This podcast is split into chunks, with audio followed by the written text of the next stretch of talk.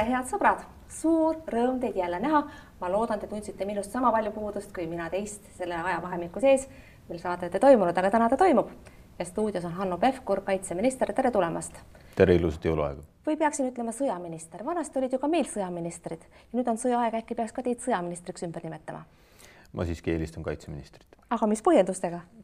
väga lihtsalt Eesti, Eestil on ka kaitsevägi ja me tegeleme ikkagi Eesti riigi kaitsmisega, et äh, meie soov ei ole kuidagi olla sõjas, me püüame ennast kaitsta, kui see oht peaks tekkima. arusaadav. härra Pevkur, lähme kohe in medias res ehk räägime sellest, et paarkümmend peret, nende jaoks tulevad sellel aastal jõulud teistmoodi.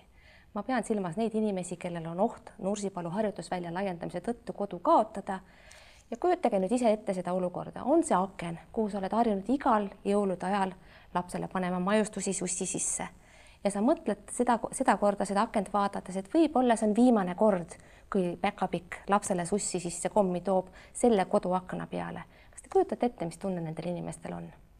No emotsionaalselt muidugi ma saan aru sellest väga hästi, äh, aga elus me teeme ikka vahest muutusi, me vahetame oma elukohta, töökohta äh, ja, ja noh, selles mõttes äh, seal tuleb arvestada ikkagi, et meil on Eesti riigil laiemad ühiskondlikud huvid selleks, et seesama Eesti riik saaks vabas ühiskonnas sedasama jõulupidu pidada ka tulevikus. Ja, ja tegelikult kui me praegu vaatame, et nendest kahekümne ühest hoonestatud kinnistust umbes viisteist, kuusteist on need, kus ka reaalselt elatakse, siis me oleme nendega kõigiga tänaseks päevaks ühendust võtnud. Äh, ja esimestega on juba jõutud ka nii kaugele, et tõesti nad on nõus selleks, et äh, nende kinnistu ära hinnatakse. nii et äh, loomulikult see on emotsionaalselt väga raske, aga ma olen seda kogu aeg kinnitanud ja kinnitan ka edaspidi, et me teeme seda sügavas koostöös kohalikega. aga midagi on siin siiski läinud algusest peale valesti, see vastuseis on kujunenud teravaks ja see reaktsioon on osutunud väga valuliseks. miks siis ikkagi läks valesti, mis algusest peale viltu läks? ma ei ole sellega päris nõu, nõus, et vaadake, ma kuulasin üheksakümne kuuendast aastast, ma arvan, et see oli üheksakümne kuues aasta, kui Vikerraadios räägiti keskpolügooni rajamisest, kaitseministeeriumi kantsler, tollane Eero Vaarman ja ka inimeste poolt siis oli üks meesterahvas ja siis mängiti ka ette linti, kus inimeste rahvakoosolekult siis need ülesvõtted olid ma võiksin selle lindi täna käima panna ja see on põhimõtteliselt üks-ühele, lihtsalt vahetada nimed ära. sellised teemad alati tekitavad emotsiooni ja kujutage nüüd ette teistpidi pilti. mina ütlesin algusest peale, et tegelikult me peame inimeste ette minema kindla nii-öelda kaardiga ja, ja plaaniga ja kujutage nüüd ette pilti, kus mõned kuud tagasi oleks öelnud Kaitseministeerium või Kaitsevägi, et meil on plaan et meil on plaan midagi teha, aga me ei tea täpselt, siis me võime täiesti kindlad olla, et kogu meedia, kõik oleksid öelnud, et, et kõik on valesti läinud, et äh, see meediaoperatsioon või, või see, et midagi ei ole selge ja me ei tea, mis saab. täna me pakkusime inimestele selge plaani ja me hakkame sedamoodi äh, siis ka minema, et kõikidel olla avatud ja aus algusest peale. no ma saan sellest kõigest aru, aga tegemist on klassikalise nimbi juhtumiga. iseenesest need inimesed ju vaevalt küll, et vaidlustavad Eesti riigi vajadust kaitsevõimet parandada. Nad kindlasti soovivad, et kui sõda tuleb, siis me võidaksime, suudaksime ennast kaitsta, eks ole. kõik nad mõistavad seda, aga küsimus tekib selles, et kui see rajatakse minu hoovi, minu aeda, siis on kõik hoopis teistmoodi. kas te olete valmis selleks, et tuleb seal mõni mees ja naine ütleb teile, mina ei lähe makske või miljard, ma ei lähe, matke mind koos majaga, mis te siis teete? jah, no võib-olla saate vaatajatele-kuulajatele peab ütlema, et nimi on siis not in my backyard või ehk Eks siis teisisõnu mitte minu tagahoovis äh, toimetamine, ükskõik, kas see on kaevandus, kas see on äh, Rail Balticu ehitus, kas see on piiriehitus, kõik sellised tuumajaam Neid, neid teemasid on tegelikult ära ütlemata palju, mis tekitavad äh, koha peal väga suure emotsioonireaktsiooni ja tegelikult ühiskondlikes huvides me saame aru, et tegelikult seda on vaja teha. no aga siis tuleb see matke mind koos majaga fenomen, mis te teete siis? no kedagi ei ma, ma, maeta koos majaga loomulikult, aga noh, ühest küljest äh, me väga loodame, et sellist olukorda ei teki teisest küljest seadus aga kui tekib, te peate olema valmis. jah, me peame olema selleks valmis, et seadus iseenesest annab võimaluse minna siis äh, sundvõõrandamise protsessi. Äh, ma ei ole väga innustunud äh, sellest, et me peaksime seda tegema ja veel kord, me otsime kõiki seaduses, täna seadus annab võimaluse meile maksta rohkem kui turuhind ja me loodame seda, et, et need inimesed, kes meile annab võimalus, mida meile annab võimalus seadus selleks, et me vahetame maad meile annab võimalus isegi seadus seda, et vajadusel me ehitame inimesele uue maja.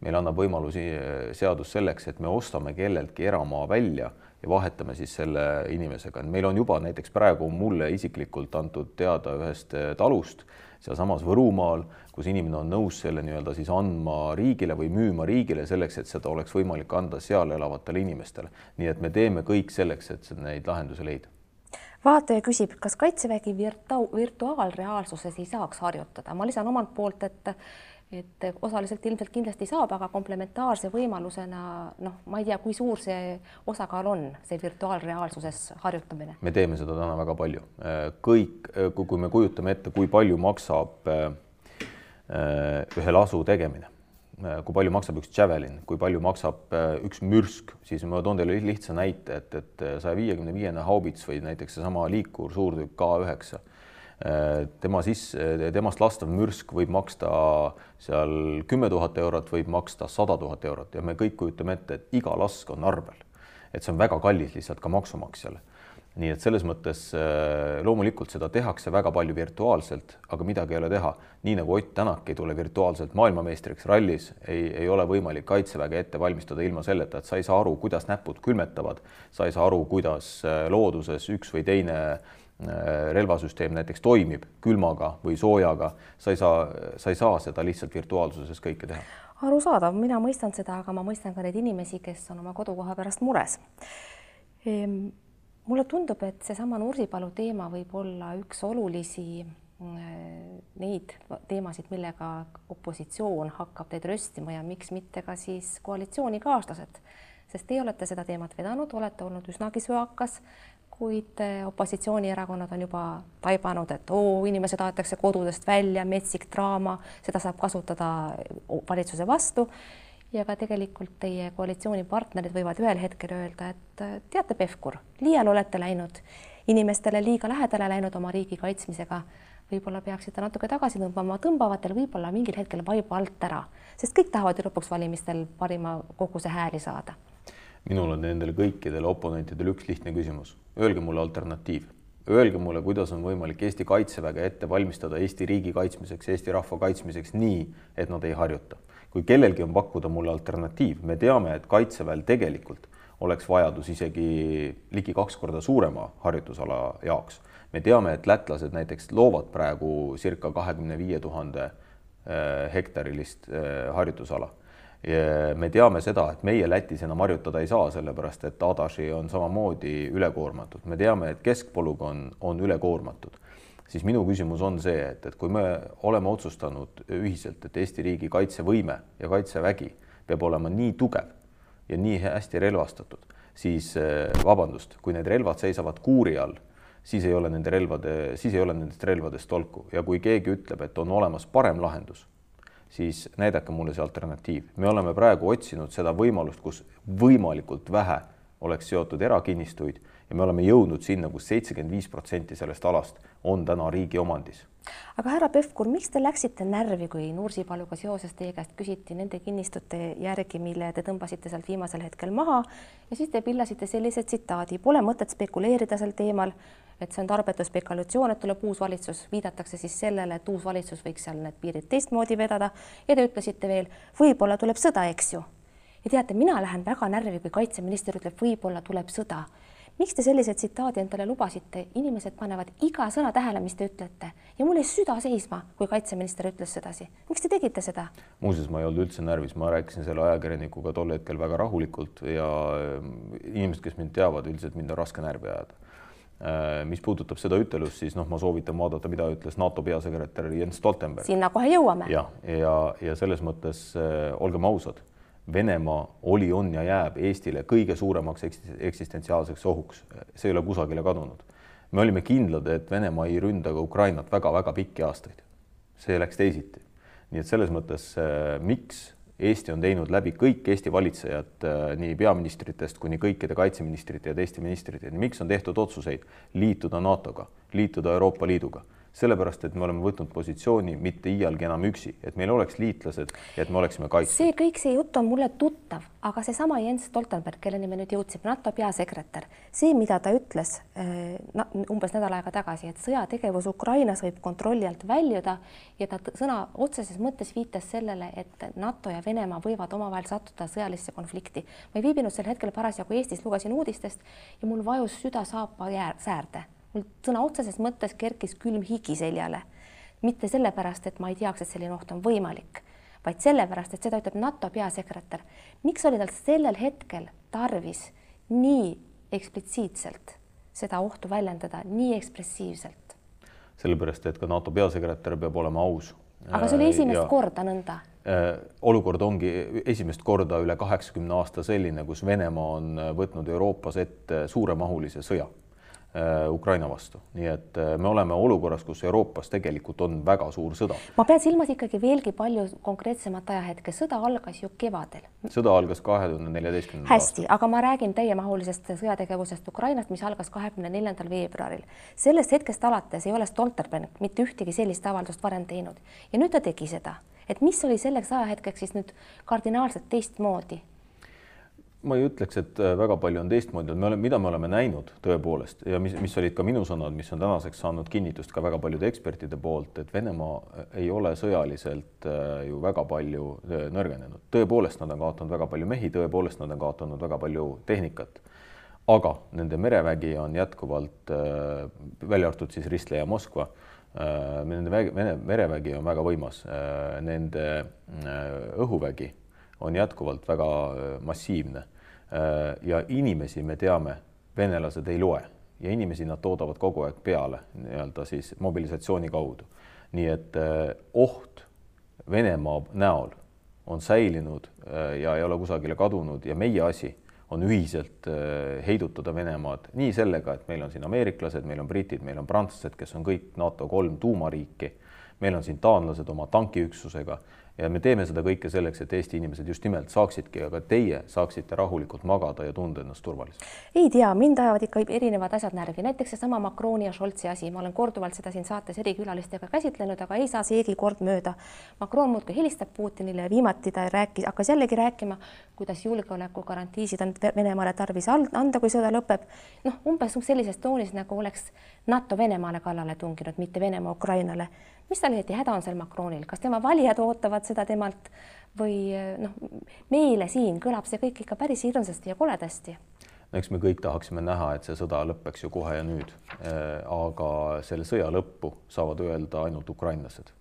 ja, ja selge on see, et see sõda oleks ammu läbi, ammu läbi, kui Venemaa oleks äh, Ukrainast välja läinud. aga äkki oleks ta palju kiiremini läbi saanud ka siis, kui lääneliitlased talle ikkagi rohkem abi annaksid, meie oleme väga palju andnud ja, ja on tegelikult andnud ka suured riigid, aga nad võiksid anda palju rohkem. võiks ja me oleme kindlasti sisenemas faasi, kus äh, kõik lääneriigid peavad äh, vaatama peeglisse ja küsima endalt, kas me oleme valmis minema oma kriitiliste varude kallale. me teame, et äh, Poola on seda väga olulisel määral teinud, Poola on ära andnud põhimõtteliselt kõik oma liikursuurtükid, kraabid me teame, et paljudel riikidel on tegelikult teatud lõikudes ära antud äh, mingeid võimeid, ka meie võtsime näiteks sellesama militaarhaiglaga teatud riski, et mõned kuud me peame ootama nüüd omale uut haiglat. ehk me oleme teinud mingisuguseid samme, teades, et me nõrgestame natukene oma kaitsevõimet. mida kriitilist oleme meie ära andnud? nagu ma ütlesin, me oleme. kas on veel mõni näide peale selle haigla? me oleme, vot no ülejäänud asjadega on nagu selline lugu, et sa võid alati vaielda, eks ju, et kas see, kui ta meil olemas on, noh näiteks kui me oleme mõned relvasüsteemid sinna andnud, et, et kas selle olemasolu Eestis oleks nagu äh, parem Äh, või, või võtame selle teatud riski, et noh, näiteks kui needsamad K9-d ehk siis liikursuurtükid Eestisse tulevad, et kas haubitsate andmine näiteks omal ajal äh, oli õige või mitte, seda võib alati vaielda. aga fakt on see, et iga tank, mis on hävitatud Ukrainas, venelaste tank, on üks tank vähem meie piiri taga. ja see on see loogika, kus tegelikult me peame aru saama, et meil ei ole luksust öelda täna ukrainlastele, et ei, me ei aita, me peame nii edasi. ja meie siin saame sellest kõik aru, aga minul tekib ikkagi küsimus seoses lääne liitlaste pühendumisega ja ka selle aususega. lugesin viimati sellesama Scholzi kohta uudist, kuidas ta Kaja Kallasele kinnitas, et ei, teie siin Eestis ei pea sugugi kartma, et suured riigid üle teie peade midagi otsustavad. ja mõtlesin, et uudis oleks tegelikult see, kui Scholz ütleks Kaja Kallasele, loomulikult lepime teie selja, selja taga kokku, teeme niimoodi, nagu ajaloos on ikka tehtud.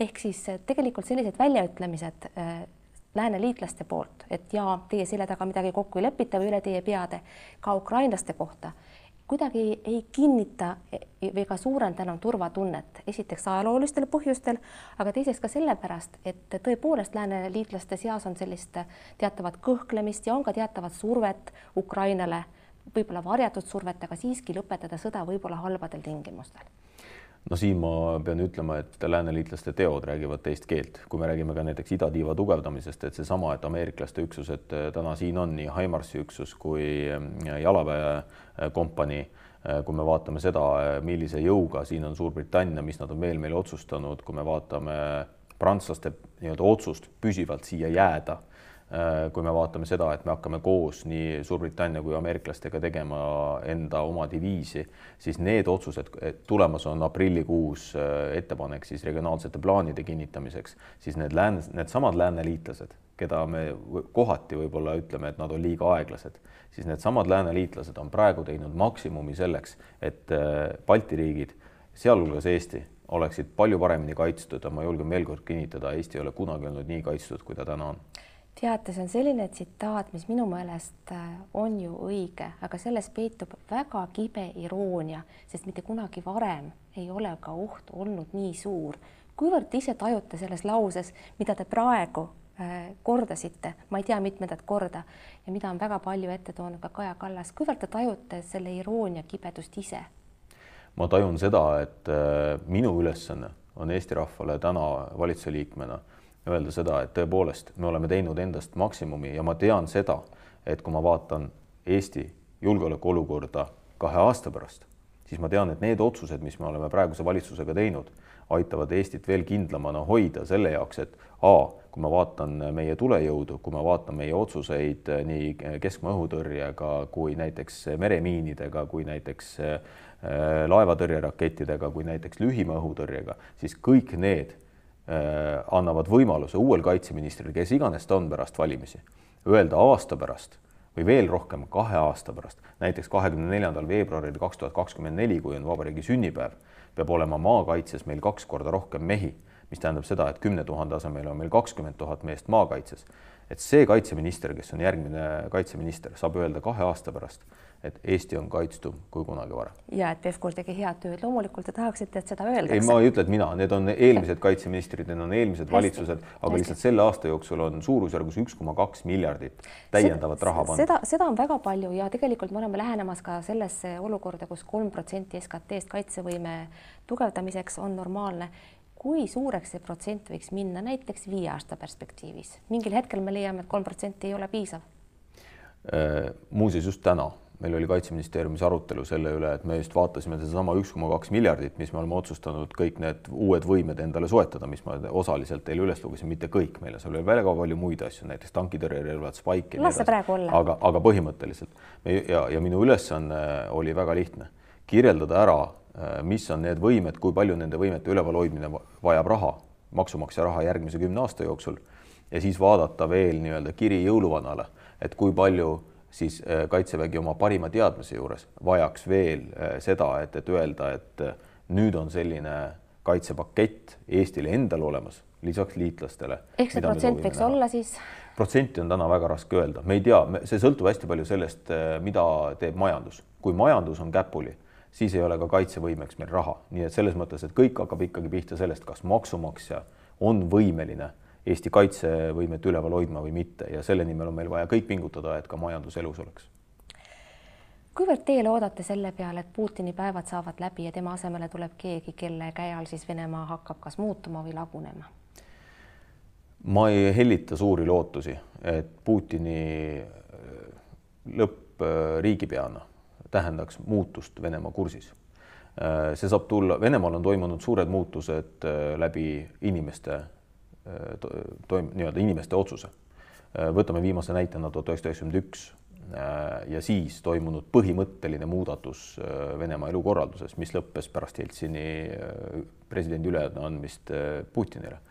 nii et ma olen sügaval veendumusel, et kui Venemaa president Vladimir Putin saab nii-öelda määrata enda järeltulija, siis Venemaa strateegilises suunas mitte midagi ei muutu. ühesõnaga, te ei jaga siis äh, täna Kärt Anveltile intervjuu andnud president Karise veendumust, et võib-olla tuleb kunagi aeg, mil Venemaa muutub normaalseks riigiks, nii nagu meie normaalset riiki ette kujutame. Te olete riigipeaga vastandlikul seisukohal? ei ole. Äh, Vene, äh, Venemaa saab muutuda demokraatlikuks küll, aga selles muutuse peavad esile kutsuma Venemaa inimesed. Senimaani, kuni valitsev klikk Kreml kontrollib seda kõike, siis ei ole mõtet eeldada, et Venemaa lähitulevikus saab. ka Vabariigi Presidendi osundus oli ju õige, võib-olla kunagi tulevikus. nii et selles mõttes äh, Vabariigi President loomulikult äh, positiivse inimesena peabki seda suunda hoidma. Mina pean olema realist, vaatama, mis on Venemaa käitumine ja, aga ma olen selles mõttes muidugi optimist, et kui Venemaa rahvas ühel hetkel otsustab, et mitte ainult võib-olla kümme protsenti, aga viiskümmend protsenti Venemaa rahvast tuleb välja ja ütleb, et nii, kõik meile aitab, siis me võime rääkida sellest, et Venemaal ka tegelikult midagi muutub. Te olete kaitseminister erakordselt keerulisel ajal ja kui kord hakatakse ajalugu kirjutama, siis kindlasti märgitakse ka teie tegevused ja tegemata jätmised seal ära. Kas võiksite ette tuua, missugune on praeguse, praeguse kaitseministri aja kõige raskem hetk teie jaoks olnud? on olnud mõni selline hetk, kus te olete päriselt ka kartnud või näinud ohtu tõusvat nõnda suureks et olete isiklikult mures, kui ka, kui te pole ehk seda ka võib-olla avalikkusega jaganud? ma ei ütleks, et meil on olnud äh, selliseid äh, kohti, kus ma olen olnud nagu murelik või olen kartnud. Äh, kindlasti hetkeks, enne kui ei olnud informatsiooni, oli küsimärk Poola langenud õhutõrjeraketist. see oli habras hetk. see oli habras hetk, sellepärast et me ei teadnud sel hetkel, kui see info tuli, millega on tegemist Äh, õnneks oma liitlastega, poolakatega suheldes me saime üsna kiiresti pildi ette, millega on tegemist. Äh, aga, aga noh, kuna tegemist oli ju ka Vene päritolu raketiga, äh, siis loomulikult sel hetkel, kui sa saad esimese sõnumi sellest, et on midagi sellist juhtunud, et NATO riigi territooriumil on kukkunud Venemaa päritolu rakett. mida te tundsite? ma mäletan, mida mina ma olin lennujaamas, äh, ma olin lennujaamas, sain kõne ajakirjanikult, samal hetkel äh, oli meie enda kanaleid pidi tuli info ja, ja aja, sellel hetkel peab tunnistama, et ajakirjandus sai, tegi väga head tööd, nad said selle teada, mis on ka mõistetav, et aga kui sul midagi kukub kellegi tagahoovi, mille tulemuseks kaks inimest kahjuks ju jättis elu, äh, siis see jõuab üsna kiiresti meediasse, et ei ole võimalik seda kinni hoida Äh, ja, ja noh, siis oli esimene ülesanne selgeks saada, mis asi see on, et ma kindlasti ei võtnud seda hoiakut, et noh, et kohe öelda, et et see on nüüd artikkel neli ja kõik ja ma ütlesin ka ajakirjanikule, et teeme kõigepealt asjad selgeks. ja see oli ka väga õige, sellepärast et me nägime, et osad äh, valitsuse liikmed teistes riikides tormasid seda ma kohe ma, ütlema ja, ja see ei olnud kindlasti võib-olla mõistlik, et kohe välja öelda, et kõigepealt oma asjad selgeks teha ma tahaksin paar sõna rääkida laiapindsest riigikaitsest, mis ei ole otseselt teile, teie teema, aga siseminister Läänemetsal on ühed teised hüpped hüpata ja võib-olla ei ole tal sellele nii palju aega pühendada, kui minu meelest tarvis oleks. aga ma loodan, te räägite valitsuses sellest ka ministritega omavahel. Ehk tegelikult on ju küsimus lihtne, HIMARS-id ja kõik need teised muud võimekused, see on must be.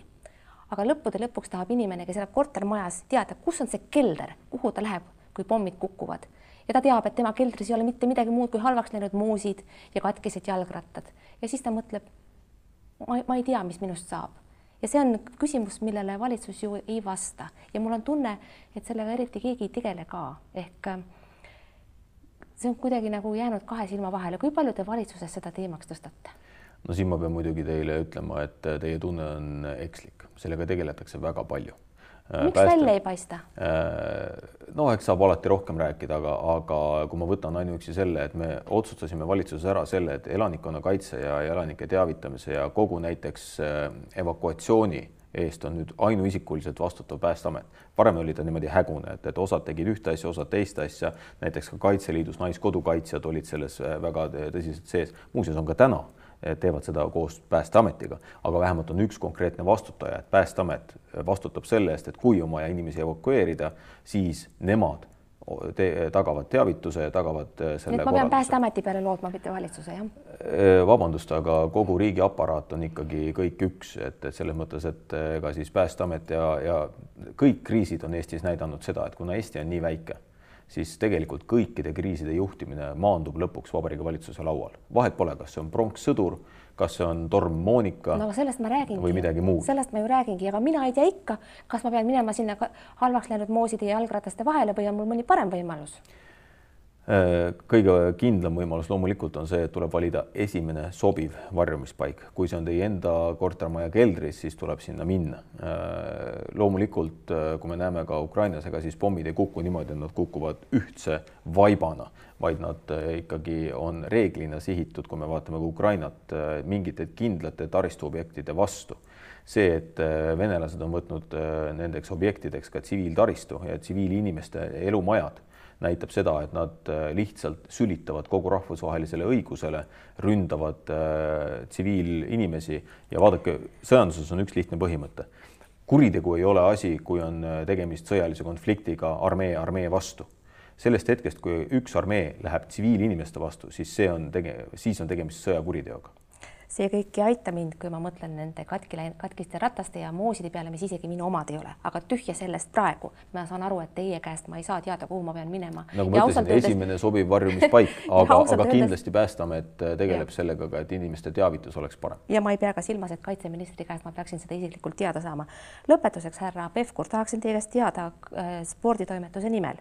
Te olete Võrkpalliliidu president ja olete ka Eesti Olümpiakomitee täitevkomitee asepresident ma kujutan ette, et teil ei ole eriti aega neid ametikohti praegu oluliste tegevustega sisustada. miks te pole nendelt kohtadelt tagasi astunud äh,?